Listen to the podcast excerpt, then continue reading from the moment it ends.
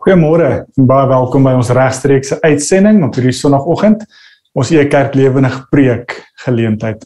Mag God verheerlik word terwyl ons vanoggend deur sy woord gaan gaan en gaan vra, hoe kan ons as gelowiges as disippels ons lewe inrig soos wat God wil hê ons moet doen? Amen. Wat verhinder jou om jou naaste lief te hê? Wat verhinder ons? Wat is moontlike verskonings wat ons kan gebruik wat ons verhinder, verhoed om ons naaste lief te hê. Dis die vraag wat ek vandag bietjie op die tafel wil sit.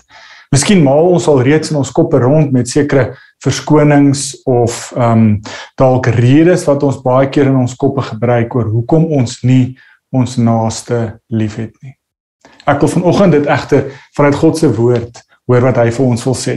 En ek wil stil staan by twee gedeeltes. Een gedeelte wat eintlik is baie beide gedeeltes baie bekende gedeeltes vir Lukas. Ons onder andere stil staan by Lukas 10 vanaf vers 25 en dan gaan ons die gedeelte net daarna ook lees. So indien jy jou Bybel saam wil het en jy wil graag saam met ons lees, kan jy gerus daar oopmaak Lukas 10 vanaf vers 25. Anders te lees ek vir ons voor vanuit die 83 vertaling. Lukas 10 vanaf vers 25. Daar is 'n wetgeleerde wat aan Jesus 'n strikvraag wou stel. Hy staan toe op en vra: "Meneer, wat moet ek doen om die ewige lewe te verkry?" Jesus sê vir hom: "Wat staan in die wet van Moses geskrywe? Wat lees jy daar?" Die wetgeleerde antwoord: "Jy moet die Here jou God lief hê met jou hele hart en met jou hele siel en met al jou krag met jou hele verstand en jou naaste soos jouself." Jy het reg geantwoord, sê Jesus vir hom. Doen dit en jy sal die lewe verkry. Maar die wetgeleerde wou homself handaf en hy vra te verder vir Jesus of weer. En wie is my naaste? Jesus gaan te nader daarop deur te sê: "Toe man eenmal op pad was van Jerusalem af na Jerigo toe, het rowers hom aangeval. Hulle het hom kaal uitgetrek en hom geslaan dat hy half dood bly lê en toe hulle pad gegee. Dit gebeur toe dat daar 'n priester met daardie pad langs kom. En toe hy hom sien, gaan hy ver langs verby. Net so het daar ook 'n leviet by die plek gekom. En toe hy hom sien, gaan hy ook soos die priester ver langs. Maar 'n Samaritaan wat op 'n reis was, het op hom afgekom. Toe hy hom sien, het hy hom innig jammer gekry. Hy het na hom toe gegaan, sy wonde met olie en wyn behandel en hulle verbind. Toe het hy hom op sy rydier gehelp en hom na herberg toe geneem en hom daar verder versorg. Die volgende dag haal hy twee muntstukke uit en gee dit aan die eienaar van die herberg en sê: "Sorg vir hom. En as jy meer onkoste met hom het, sal ek jou betaal wanneer ek hier langs terugkom." Wie van hierdie drie is volgens jou die naaste van hom wat onder die rowers verval het? Die wetgeleerde antwoord: "Die man wat hom liefde betoon het sonder dat hy dit verdien het. Toe sê Jesus vir hom: "Gaan maak jy ook so." Wonderlike gedeelte wat in die Lukas Evangelie vir ons geskryf is. 'n Baie bekende, baie populêre gedeelte wat ek glo ons al almal al verskeie kere gelees het en preke na geluister het. Maar ek wil vanoggend hê ons moet die vraag wat ons aanvanklik hierdie diens mee begin het deur te gevra het, wat verhinder ons om ons naaste lief te hê? Wat verhinder jou om jou naaste lief te hê. As ons met daai vraag na hierdie verhaal toe gaan, dan moet ons eerstens vir onsself sê, kom ons plaas onsself vir 'n oomblik, vir 'n wyle in die voete van hierdie wetgeleerde wat Jesus 'n strikvraag wou vra. Ek het so 'n paar weke terug het ons uh, tydens die diens gevra, wat is die doel met godsdiens? En toe het hierdie uh vergelyking gemaak van die hierdie wetgeleerdes ook val binne in daai kamp om te sê hy wil 'n godsdiens hê die wetgeleerde in Lukas 10 wat hom red van sy dade op aarde. Hy soek die ewige lewe. Maar hy wil nie self getransformeer word nie. En nie, ons lees dit in die gedeelte want Jesus sê toe vir hom nadat hy baie mooi die die letter van die wet van neerskryf, hy weet wat om te doen. Hy weet wat is die resep. Toe daag Jesus hom uit en sê, "Maar gaan doen dit." en dan worstel hy met daai deel. So dis half asof hy hy het die hy het die teorie, maar hy sukkel met die praktyk. Iets verhinder hom om sy naaste lief te hê. Iets verhinder hom om te leef, te doen wat Jesus hier en wat God van ons vra wat hierdie wetgeleerde vir ons gee. So dis die eerste wegspringblok wat ons hier staan. Dit is hoekom hierdie wetgeleerde Jesus uitdaag. Want hy sê ek wil nie getransformeer word nie, maar ek wil die resep hê. Maar jy hoor ook 'n tipe godsdienstige hoogmoed waarvan hierdie wetgeleerde praat, nê? Nee? Dis hy wil al vir godsdienstige armdruk sessie hê met Jesus. Hy wil vir wys dat hy beter is in sy godsdiens in die interpretasie van die wet as Jesus self. Sy probeer om 'n stryk vraag stel. Nou baie interessant die wetgeleerde se se antwoord toe Jesus nou vir hom sê maar wat lees jy? Jy's mos nou die wetgeleerde. Wat staan in die wet van Moses? Dan haal hierdie wetgeleerde so mooi Deuteronomium 6 vers 5 aan. Jy moet die Here jou God lief hê met jou hele hart, jou hele siel, jou hele verstand en uh jou hele ooh jou jou hart, jou hele hart, hele gees, jou siel, jou verstand en jou siel, vergewe my.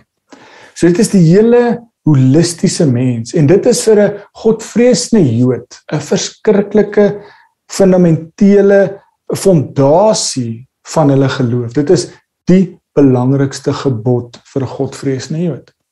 Maar hy haal dit Numeri 6 vers 5 aan en dit is baie interessant as ons byvoorbeeld die paralleltekste gaan lees in Matteus 22 byvoorbeeld. Dan hak die wetgeleerde daar vas net met dit jy moet die Here jou God lief hê. Dis hierdie vertikale verhouding wat ek met God moet hê. Maar die wetgeleerde in Lukas 10 kan al reeds die horisontale koneksie ook inbring deur te sê jy moet jou naaste lief hê soos jouself. So hierdie wetgeleerde haal ook dan Levitikus 19 vers 18 vir ons aan hier. Dit sê met jou naaste ook lief hê. So dit gaan natuurlik oor God lief hê met alles binne in jou, nê, nee, jou hele verstand, jou gedagtes, jou hele siel, jou hele wese. Maar ook jou naaste soos jouself. En ek dink dit is dalk wat Lukas vir ons hier vandag wil vra of wil sê, wil uitdaag om te sê wie is jou naaste? Eerstens. Ek dink dit is waarmee hierdie wetgeleerde sukkel. Van die die wegspringplek, die agtergrond van Levitikus 19 as jy dit dit in Numeri 7 of 6 ook gaan lees.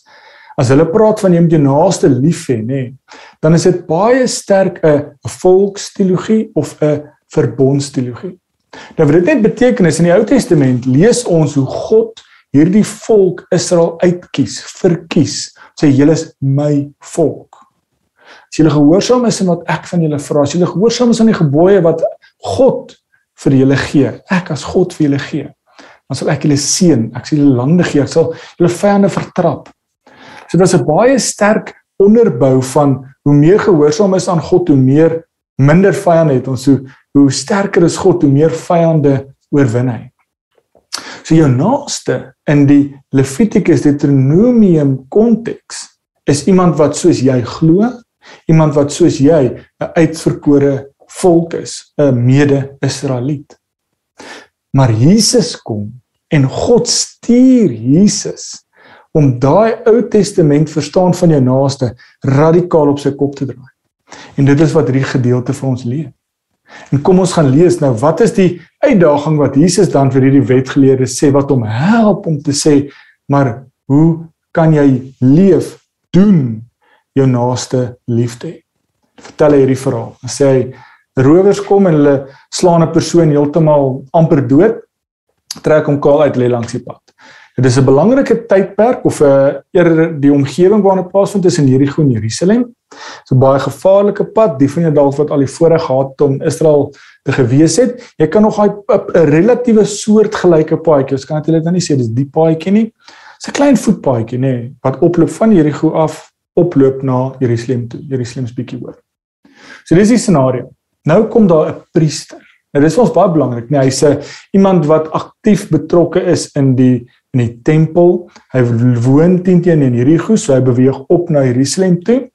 Nou die rede hoekom dit vir ons belangrik is, want hierdie priester gaan teen teen 'n diens doen in die in die in die tempel in Jerusalem. So dis hierdie godsdienstige plig, dis sy werk. Hy gaan werk doen. En dit is uh, ons lees nie geskrifte dat daar's natuurlik verskeie of 'n klompie priesters in die omgewing waar daar woon wat beurt kry om diens te doen in die tempel in Jerusalem. Dis 'n baie groot eer. So dit is dalk sy enigste geleentheid in sy lewenstyd wat hy mag en kan diens doen in die tempel. Soos daar eens 'n leeftyd geleentheid wat hierdie priester het om te gaan diens doen in die allerheiligste in die tempel in die allerheiligste die tempel in Jerusalem. So groot eer, God se woning. Nou dink mooi, as jy as priester daar verbystap en jy sien hierdie persoon, hy's kaal, hy's geslaan uit die bloed loop, so daar's liggaamlike vloeistof buite hom, so hy's onrein. So as jy as priester wat gaan diens doen en moet rein wees, dan hierdie persoon vat, wat gebeur? Jy word onrein. So hy weet, as ek nou hierdie persoon liefhet, liefde betoon, dan verbeur ek die kans om diens te doen. Daar eens 'n leeftyd geleentheid my godsdienstige plig in die tempel te doen. En dit is sy verskoning. Dis wat hom verhinder. Hy sien hierdie groot ere rol wat hy het om te gaan diens doen, maar ook net so is sy godsdienstige plig, sy werk sê maar hy moet rein wees om te gaan doen. So hy kan nie nou onrein wees deur hierdie naaste persoon lief te hê. Tweede verskoning. Hulle wet kom. Natuurlik, hulle is die ouens van die letter van die wet volg, nie hulle is die wetgeleerdes. So hulle ken hierdie wet met die letter. Nou weer eens, as hy aan hierdie persoon raak, wat gebeur? Dan is hy onrein. En as jy die letter van die wet volg, jy moet soveel as moontlik van hierdie wette onderhou om seker te maak dat jy rein bly.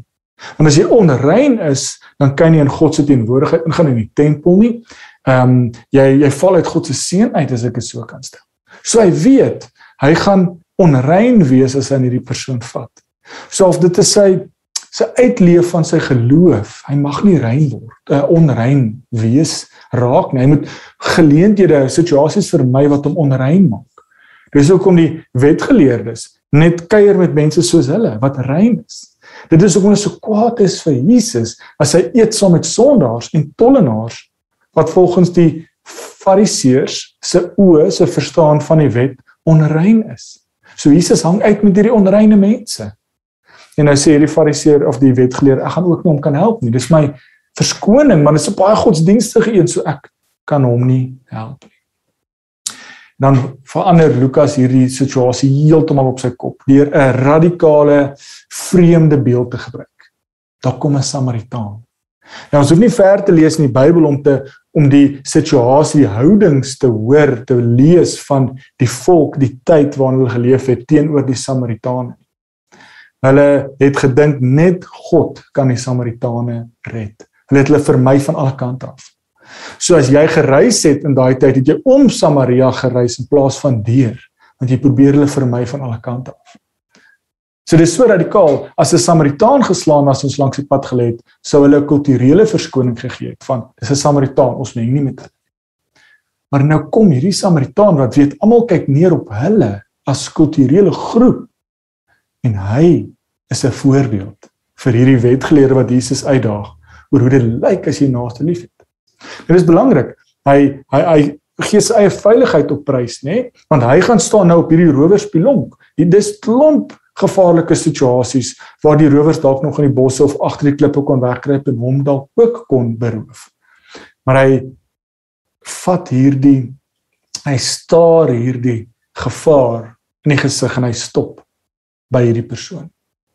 Hy gee sy wyn en sy olie en hy genie of hy hy uh, behandel sy wonde. Dit is belangrik. Dis nie net soos 'n luksheid soos ons vandag sit uit 'n wyn. In die antieke tyd en hierdie tyd was daar nie water wat drinkbaar was nie. So om die water drinkbaar te maak, gooi hulle wyn by. So jou wyn is verdun met water en dit is jou lewensvloeistof. So hierdie Samaritaan gee sy lewensvloeistof. As hy verder reis sonder wyn, kan hy nie om sy dors les nie, hy kan doodgaan van die van die hitte van uh dehydrasie. En hy gee dit en hy gebruik dit om die persoon wat geslaan is te help. Hy gee van duur olyfolie of olie en hy genees of behandel sy wonde. Hy gee hom twee toe toe hy vat sy tyd, hy vat hom na die herberg toe. Hy gee vir die herberg gee twee muntstukke. Dis twee volle dae se inkomste vir hierdie Samaritaan. Hy gee sy tyd en ook sy geld. Meer as dit is asof hy 'n verhouding by en sê, "Maar ek gaan later weer verbykom, dan sal ek kyk hoe gaan dit met hom. As hy dan meer onkoste is, sal ek verder help." Hy koop in in die persoon se lewe om te sê, dis nie net van, "O, jy's minstukke, kry jouself by die herberg en sorg vir jouself nie." Hy gaan weer 'n draai kom maak en kom kyk. Is jy? Okay? Wat het jy nog nodig? Dis gebou vanuit 'n fondasie van vriendskap, van ek het jou lief, naaste liefde. So dit is die die voorbeeld wat Jesus dan vir hierdie wetgeleerde wat hom uitdaag in Lukas 10 gee om te sê wie van hulle doen dit deur hulle naaste liefde?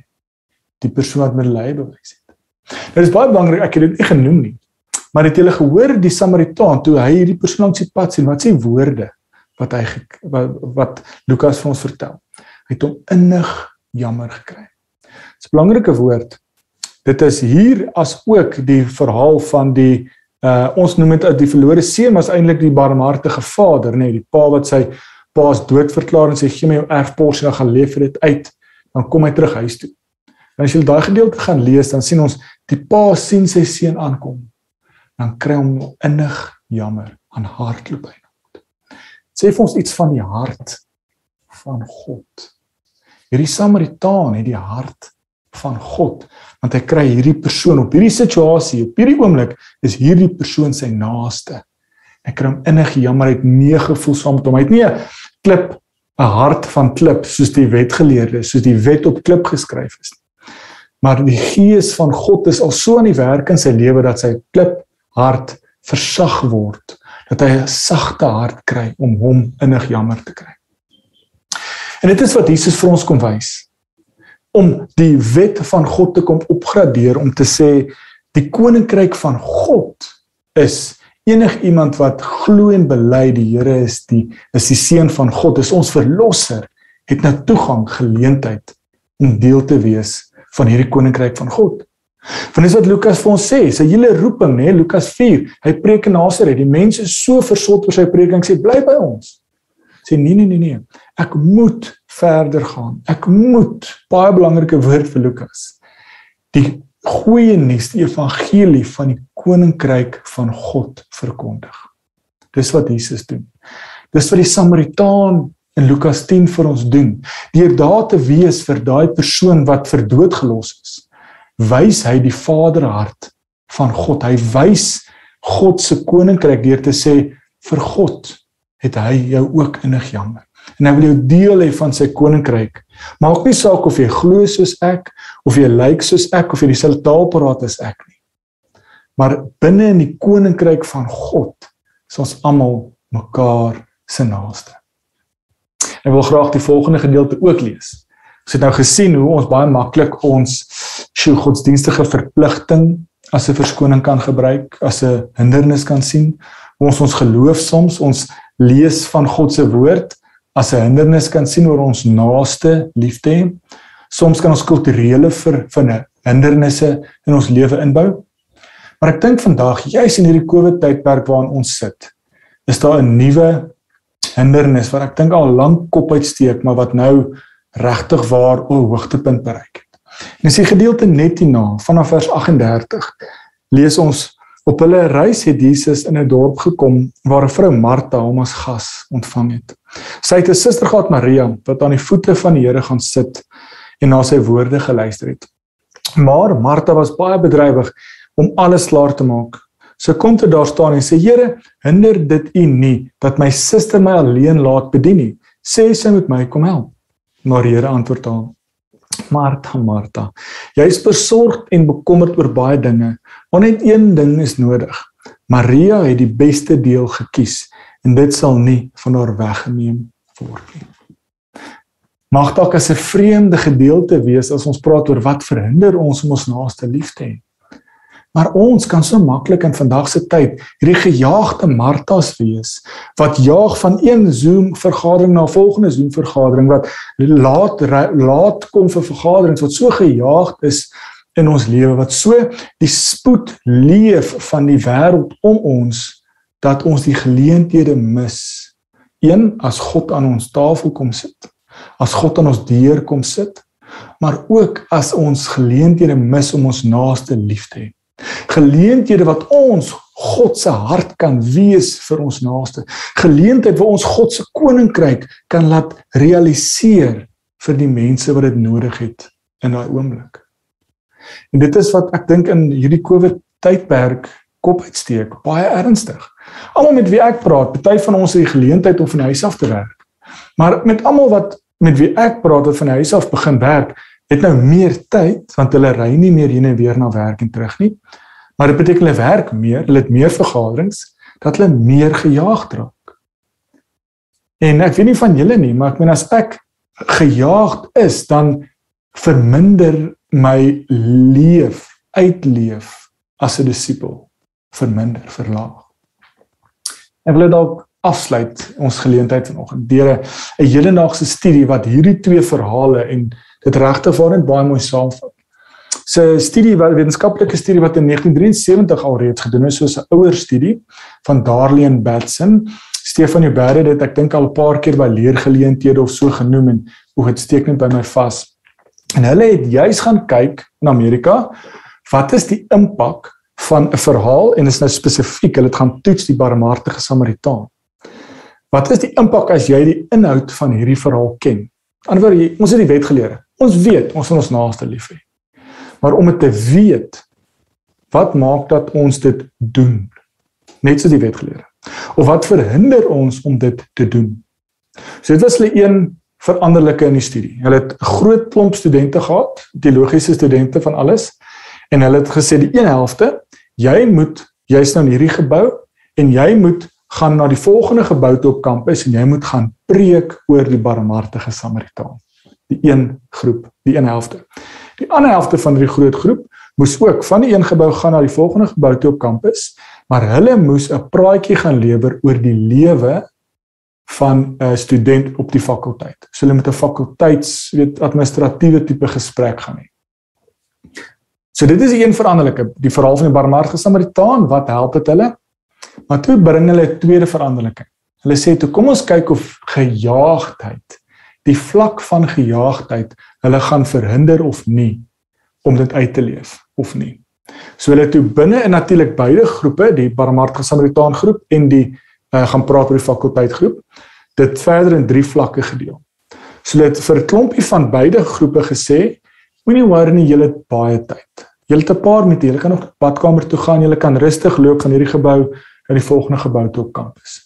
So die vlak van gejaagdheid is baie laag. Toe hulle weer eens beide oor elke van die groepe die barmhartige Samaritaan groep en die administratiewe gesprek 'n tweede vlak van gejaagdheid wat kom ons praat van 'n middel mid, medium tipe gejaagdheid. Hulle sê jy jy dalk so in 2 minute, dis net net genoeg tyd om by die volgende gebou uit te kom, so jy moet gaan. Natuurlik het hulle 'n derde groep ingebring om te sê jy's alreeds laat. Jy's alreeds laat, jy moes al begin praat het gaan. Nou met 'n toets het hulle op hierdie pad van die een gebou na die ander gebou toe 'n persoon, 'n akteur aangetrek as 'n boemelaar dat hy slenters lyk, ehm um, lyk of hy seer gekry het ehm um, op hierdie pad. Hulle moes of om hom of oor hom geloop het van die een gebou op kampus na die ander gebou. Dit is die studie. Nou kan julle dink as ons nou vandag se preek kyk, wat is die resultate? Binne in hierdie groep kan ons dadelik sien of jy 'n barmhartige Samaritaan moes gaan preek het en of jy die administrasie gesprek moes gehad het. Dit was nie 'n invloed of jy gehelp het of nie. Die grootste veranderlike wat gehelp het of jou verhoed het om te help was of jy gejaagd was of nie. Die laag klas, die die vlak wat baie tyd gehad het, 65% van hulle het gestop na en gehelp of net gestop en gevra as jy okay byvoorbeeld, nê. Nee. Die middelhoeveelheid groep 43% van hulle het gestop. Dink mooi, die groep wat klaar laat was, wat verskriklik gejaagd was.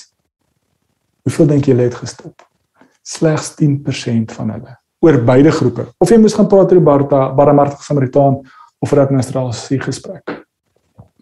Ons kan so in ons eie lewe gejaagde Martas wees wat 'n groot invloed het of ons stop en die koninkryk van God verteenwoordig of ons stop en ons naaste liefhet of nie. Dis half asof ons die die die uitleef van ons geloof, nê, disipelskap om die koninkryk van God te verteenwoordig is 'n leksheid wat afneem soos die gejaagdheid, die spoed van ons daaglikse lewe toeneem. Ek sê dit weer. Die uitleef van ons geloof om God se koninkryk te verteenwoordig, om ons naaste lief te hê, is 'n leksheid wat afneem soos wat die spoed, die gejaagdheid van ons dag toeneem.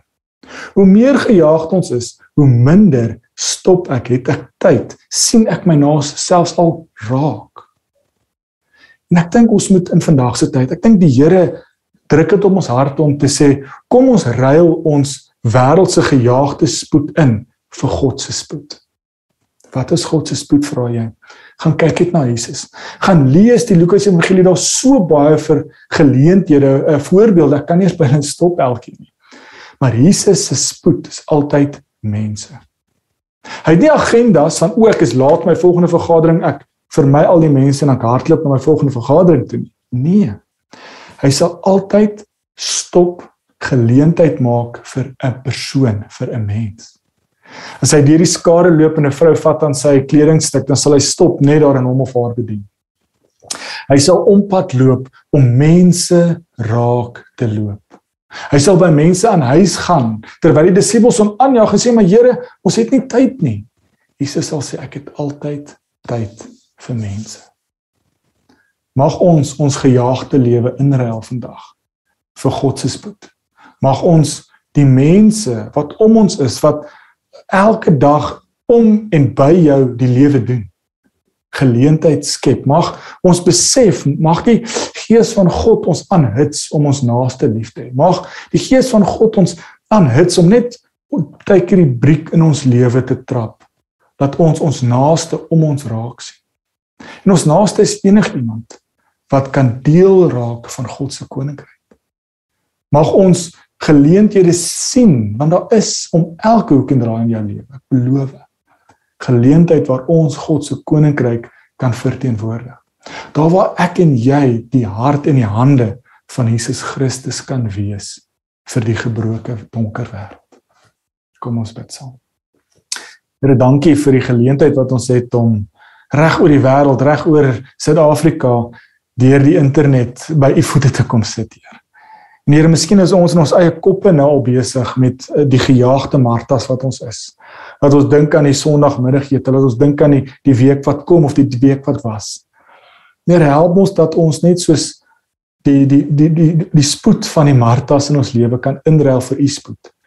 Spoed wat ons altyd die persoon, die mens raak sien. Dat ons altyd geleentheid raak sien om ons naaste lief te hê. Selfs al is dit nie deur vriendelik te wees, selfs al is dit net deur 'n glimlag te gee. Hy is ons ook aanhits as dit nodig is as ons soos die barmhartige Samaritaan ons tyd, ons geld, ons veiligheid op sy moet sit om u hande en voete te wees vir hierdie gebroke wêreld. Om so u koninkryk, die goeie nuus van u koninkryk te verkondig te wees om elke hoek en draai van ons lewe. Vra dit in u groot en heilige naam alleen. Amen.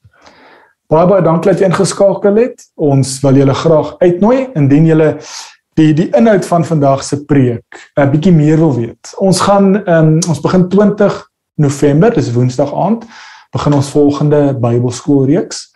En ons gaan juist bietjie verder gaan oor hierdie tema. Ek en Stefan, ek gaan ook bietjie aanbied, gaan juist stil staan by die evangelie van Lukas. En ons gaan op die hake van Jesus loop deur die evangelie. En een agterkom wat is Jesus se roeping, wat is die wil wat hy uitleef, hoe lyk dit? Maar ook so hoe lyk Jesus se spoed as ons deur die Lukas Evangelie stil staan by die gebeure op reis gaan saam met Jesus deur die Lukas Evangelie. So ons nooi julle uit Woensdag aand 20 November. Ons begin 7uur en as dit vir 4 aan is regstreeks hier op Facebook of op uh, YouTube waar ook al jy kyk. Mag julle elkeen 'n geseënde week hê. Ons Bybelskool begin ook weer op Bybelreis, begin eers komende Vrydag weer 9:00 die oggend. En met dit met julle geseënde week hê. Tot volgende week. Totsiens. thank you